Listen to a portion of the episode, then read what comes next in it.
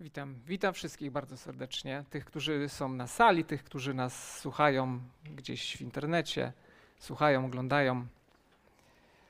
Tak jak Ania już wcześniej zapowiedziała, będę mówił dzisiaj o niebie.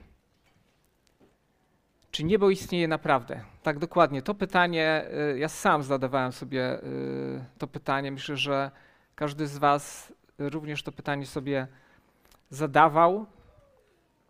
Może to pytanie dopiero sobie zadasz, czy niebo istnieje naprawdę. E, niebo, definicja. Część atmosfery oraz przestrzeni kosmicznej widzianej z powierzchni dowolnego obiektu astronomicznego. Czasami niebo definiowane jest również jako gęsta powłoka atmosferyczna planety. Następny slajd. Oczywiście nie o takim niebie chciałem Wam dzisiaj powiedzieć bo nasuwa się właśnie takie stwierdzenie, no niebo, no jest niebo, patrzę na niebo, jest niebo. Chyba, że jest noc, to wtedy tego nieba nie, nie widać.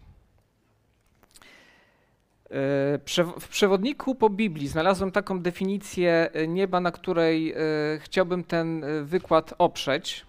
Niebo, mieszkanie Boga, świat doskonały i niewidzialny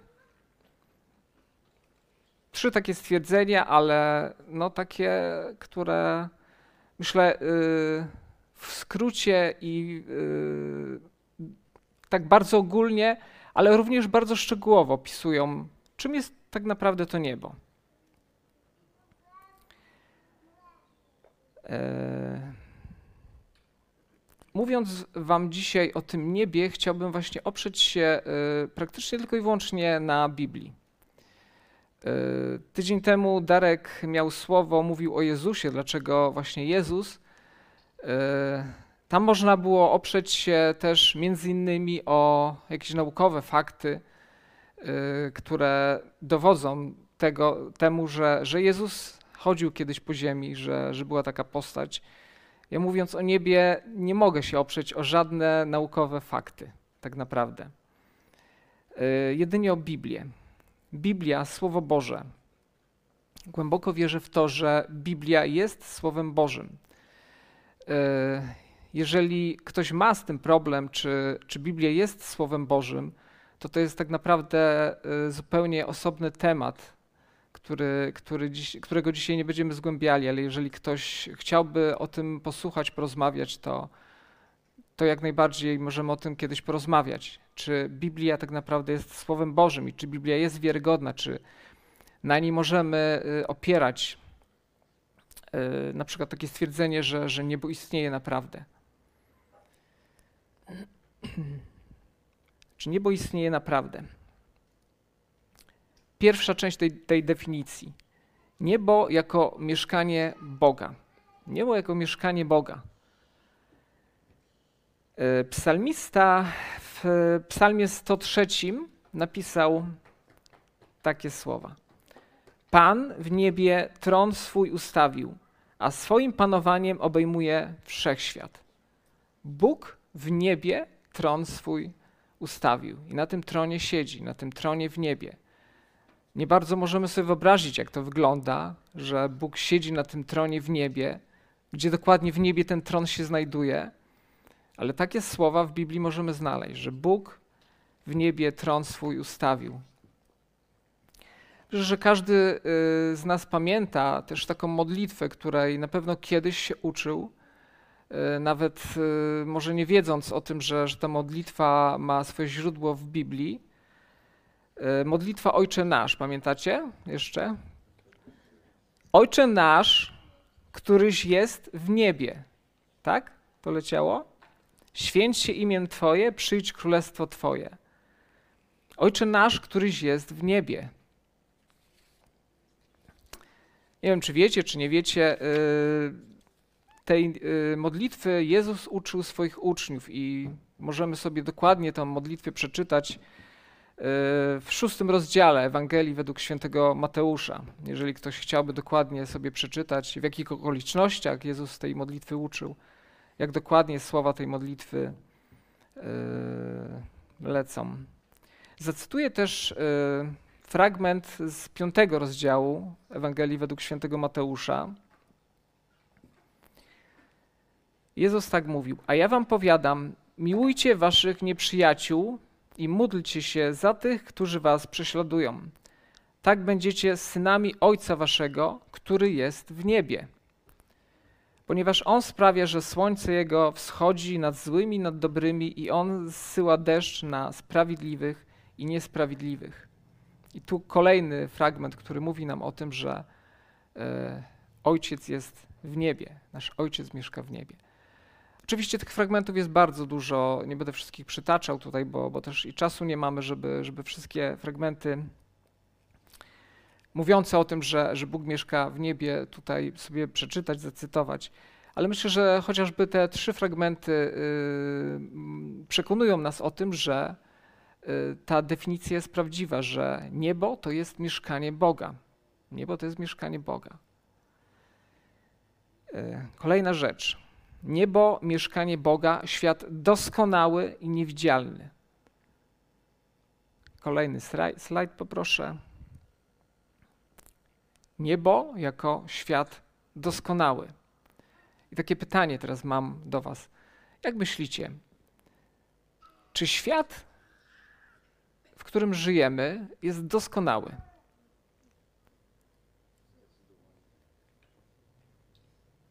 Ktoś mógłby odpowiedzieć?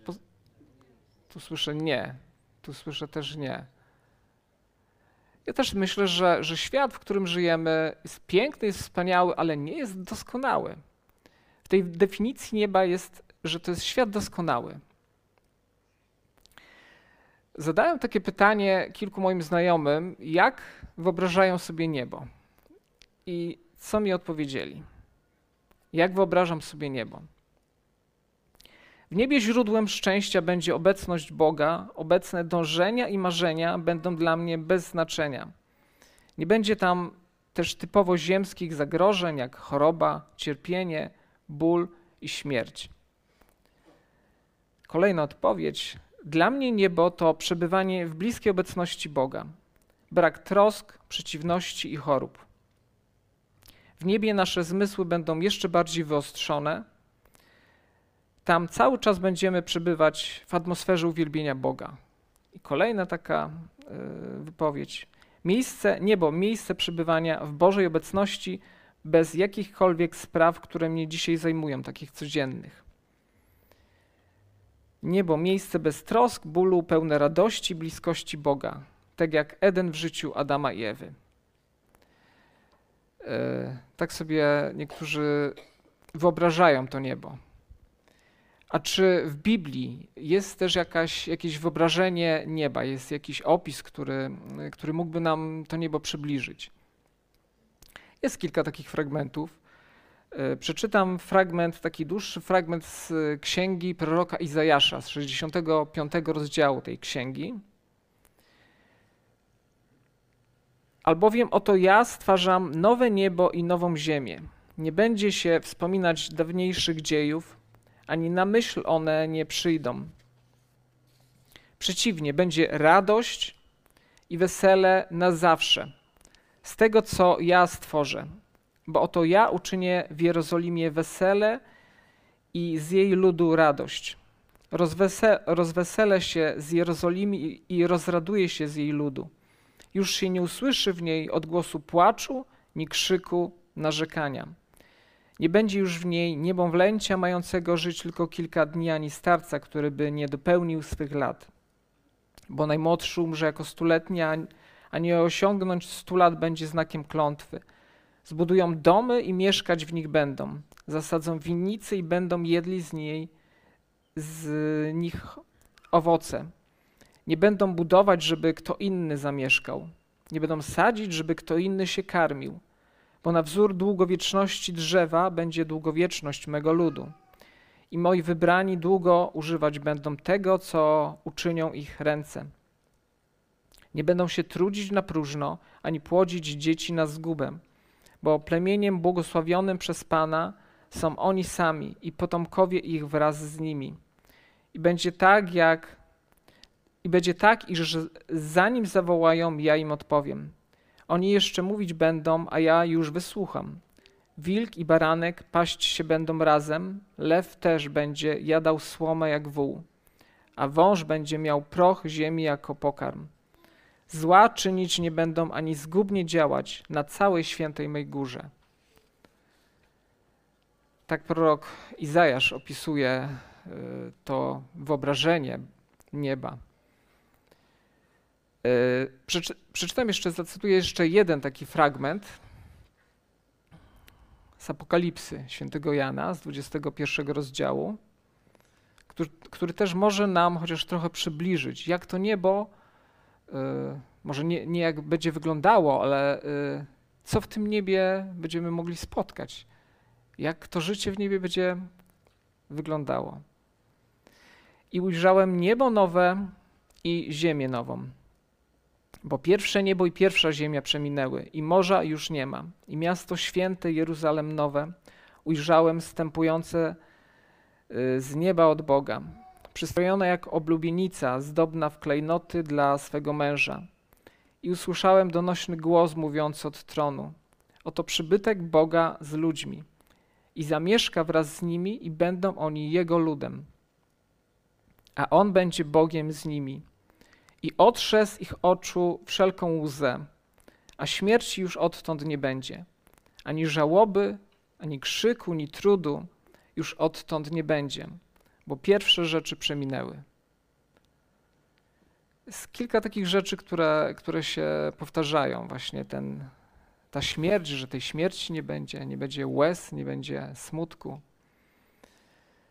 No właśnie, co to znaczy dla nas dzisiaj, że nie będzie śmierci, nie będzie bólu, nie będzie łez? Bo tak to jest takie trochę ogólne, ale yy,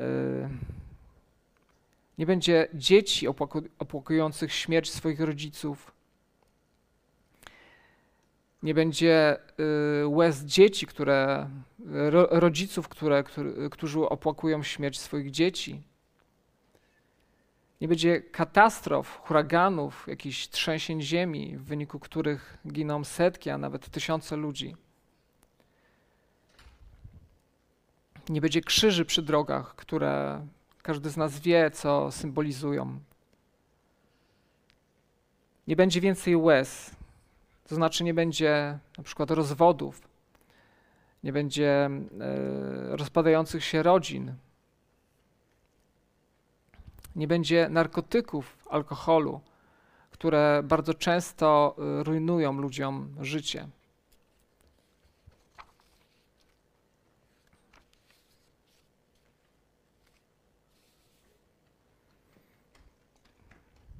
Kolejny slajd poproszę. Jeszcze raz wrócę do tej definicji. E, niebo, mieszkanie Boga, świat doskonały i niewidzialny. Świat, którego jeszcze nikt nigdy nie widział. Nikt z nas. To jest taka, wiecie, tajemnica. Co tam tak naprawdę jest? Świat niewidzialny. E, jest taki fragment w Słowie Bożym, fragment y, listu świętego Pawła do, y, do Koryntian. Święty Paweł był człowiekiem, który mm, był człowiekiem bardzo wykształconym. Y, po nawróceniu był człowiekiem bardzo oddanym Bogu. Założył wiele kościołów, podróżował po świecie i potem pisał do, do tych kościołów listy. w jednym z tych listów pisał tak – ani oko nie widziało, ani ucho nie słyszało, ani serce człowieka nie zdołało pojąć, jak wielkie rzeczy przygotował Bóg tym, którzy go miłują. Myślę, że pisał tutaj o niebie. Miał jakieś wyobrażenie tego nieba, ale z drugiej strony pisał o tym, że, że ani oko nie widziało, ani ucho nie słyszało, przede wszystkim ani serce człowieka nie zdołało pojąć, jak wspaniałe rzeczy Bóg przygotował dla nas w niebie.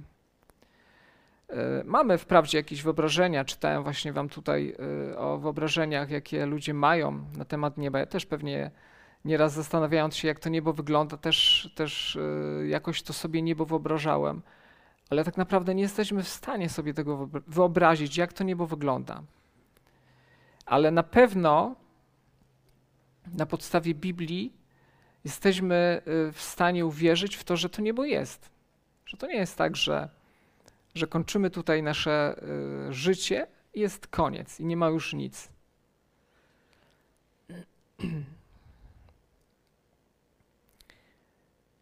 Wyobraźcie sobie dziecko w łonie swojej matki. Y, podobno dziecko słyszy. Już w brzuszku mamusi to dziecko słyszy. I wyobraźcie sobie, że ktoś do tego dziecka mówi. Załóżmy, nie wiem, w siódmym, ósmym miesiącu ciąży, ktoś do tego dziecka mówi: Posłuchaj, maluszku, jak już wyjdziesz z brzuszka swojej mamusi, to ten świat, na który wejdziesz, będzie wspaniały, będzie taki duży, będziesz mógł biegać, chodzić, skakać, będziesz y, widział wspaniałe rzeczy. Widzicie, to dziecko sobie tak myśli. No jak ten świat może być inny niż ten, w którym jestem teraz? Tu mam ciepło, wygodnie, mam pokarm, mogę spać w każdej chwili. Fakt, są pewne niedoskonałości, jest troszeczkę ciasno tutaj.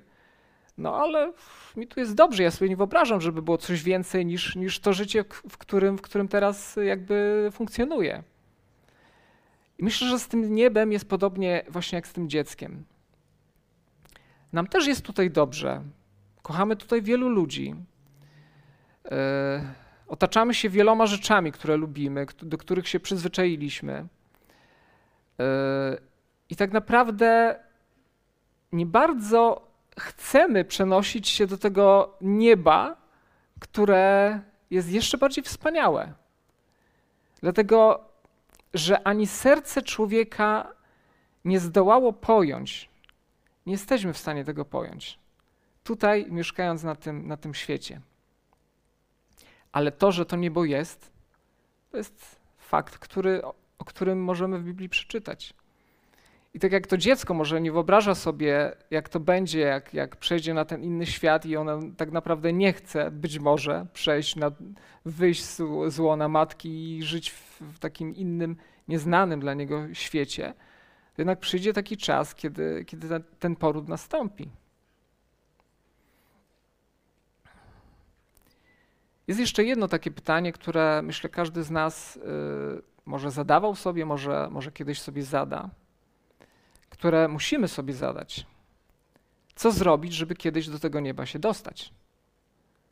Czy każdy do tego nieba się dostanie? Ale zanim odpowiem na, to, na te pytania, e, chciałbym e, powiedzieć do Was cztery takie rzeczy, o których już tydzień temu, dwa tygodnie temu e, na, na tych wykładach mogliście obejrzeć. Poproszę kolejny slajd. Po pierwsze, Bóg Ciebie kocha. Bóg mnie kocha. No wiadomo, Bóg kocha każdego człowieka. Ale wiecie, e, żeby to było takie e, osobiście do mnie, to muszę sobie powiedzieć: Bóg kocha mnie. Bóg kocha Ciebie, konkretnie Ciebie. I to nieważne, e, jakie Ty masz z Bogiem relacje Nieważne, co w życiu zrobiłeś, zrobiłaś złego, Bóg i tak Ciebie kocha. I to jest fakt. Czy Ty odwzajemniasz tą miłość? Czy Ty odwzajemniasz tą miłość? Drugą rzecz, którą chciałbym Wam też powiedzieć lub przypomnieć. Jestem oddzielony od Boga z powodu mojego grzechu. A że każdy człowiek jest grzeszny, więc każdy człowiek jest od Boga oddzielony z powodu tego grzechu. Grzech to jest nasz wybór. To my dokonujemy tego wyboru, czy chcemy żyć po swojemu, czy chcemy żyć tak, jak chciałby, żebyśmy, tak jak Bóg chciałby, żebyśmy żyli. Grzech niszczy nie tylko y, moje relacje z Bogiem, ale też y, moje relacje z człowiekiem, który y, żyje obok mnie, z moimi najbliższymi, bo najczęściej grzech właśnie niszczy relacje z naszymi najbliższymi. Kolejną rzeczą, którą chciałbym Wam powiedzieć, przypomnieć, Jezus umarł za mnie. a właściwie Jezus umarł zamiast mnie. Bo to też jest istotne. Jezus umarł zamiast mnie. Wspomniany już święty Paweł pisał y, w swoim liście do Rzymian takie słowa. Szósty rozdział listu świętego Pawła do Rzymian. Albowiem zapłatą za grzech jest śmierć. Zapłatą za grzech jest śmierć. I to nie taka śmierć y, ludzka. Y, taka śmierć spotka każdego z nas, ale mówię teraz, teraz tutaj, cytując słowa świętego Pawła, y, o, takim, o takiej śmierci duchowej, o, o takim duchowym odłączeniu człowieka od Boga. I taka kara spotka każdego człowieka, każdego grzesznego człowieka, czyli każdego człowieka. No i co z tym faktem zrobić? E, I właśnie dlatego powiedziałem, że Jezus umarł zamiast mnie. Jezus wziął na sobie, na, na siebie tą winę, abyśmy my nie, nie doznawali tej śmierci duchowej, tego duchowego oddzielenia od, od Boga. I czwartą rzeczą, którą chciałbym Wam powiedzieć, jeśli zadać Wam takie pytanie, czy pójdziesz za Jezusem? Czy pójdziesz za Jezusem? Bo tak naprawdę jest tylko jedno rozwiązanie tego problemu, tego grzechu, który oddziela nas od Boga, a jest nim Jezus, przyjęcie Jego ofiary. Bo to, że Jezus umarł zamiast ciebie, to wcale jeszcze nie znaczy, że, że ty dzięki temu będziesz zbawiony, zbawiona. Bo tak naprawdę my musimy przyjąć tą ofiarę Jezusa. Ale to jest Twoja decyzja.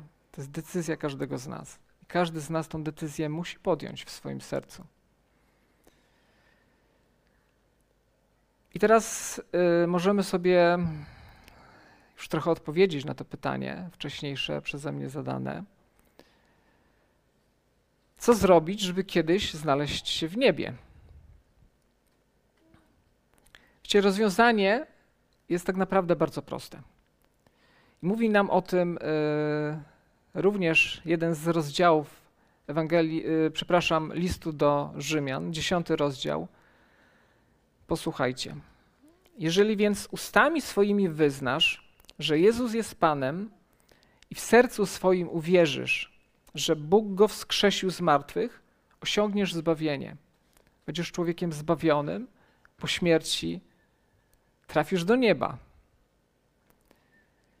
Jeżeli ustami swoimi wyznasz, że Jezus jest Twoim Panem, czyli musimy jakby zrobić krok wiary i musimy po prostu powiedzieć to, że Jezus jest moim Panem.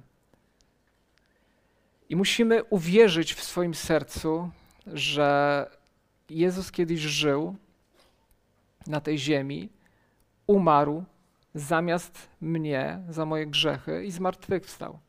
Musimy w to uwierzyć. Wiecie, bez tego nie osiągniemy zbawienia. Wiecie, niby proste, ale dlaczego ludzie tak komplikują to, to, to, to właśnie zbawienie? Jeszcze o jednej rzeczy chciałbym Wam wspomnieć, o rzeczy bardzo ważnej. E, wcześniej ten e, fragment już przeczytałem, przeczytam cały ten werset e, szóstego rozdziału listu do Rzymian.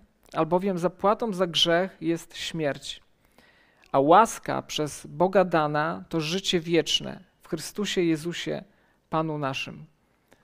To jest ta rzecz, o której chciałem wspomnieć. Łaska przez Boga dana to życie wieczne. My to życie wieczne mamy z łaski. To jest prezent od Boga dla nas. I kwestia tego, czy my ten prezent weźmiemy, czy my ten prezent odrzucimy. I tu po raz kolejny mówię, to jest decyzja, to jest Twoja decyzja. Co Ty z tym prezentem zrobisz? Czy po śmierci znajdziesz się e, w tym niesamowitym świecie, doskonałym świecie, którym jest niebo, tej rzeczywistości, czy odrzucisz tą rzeczywistość? Decyzję musimy podjąć już tutaj, w, na tym świecie. To nie jest tak, że, że kiedyś umrzemy i wtedy będziemy mogli podjąć decyzję. Nie. Tą decyzję musimy podjąć już najlepiej jak najszybciej.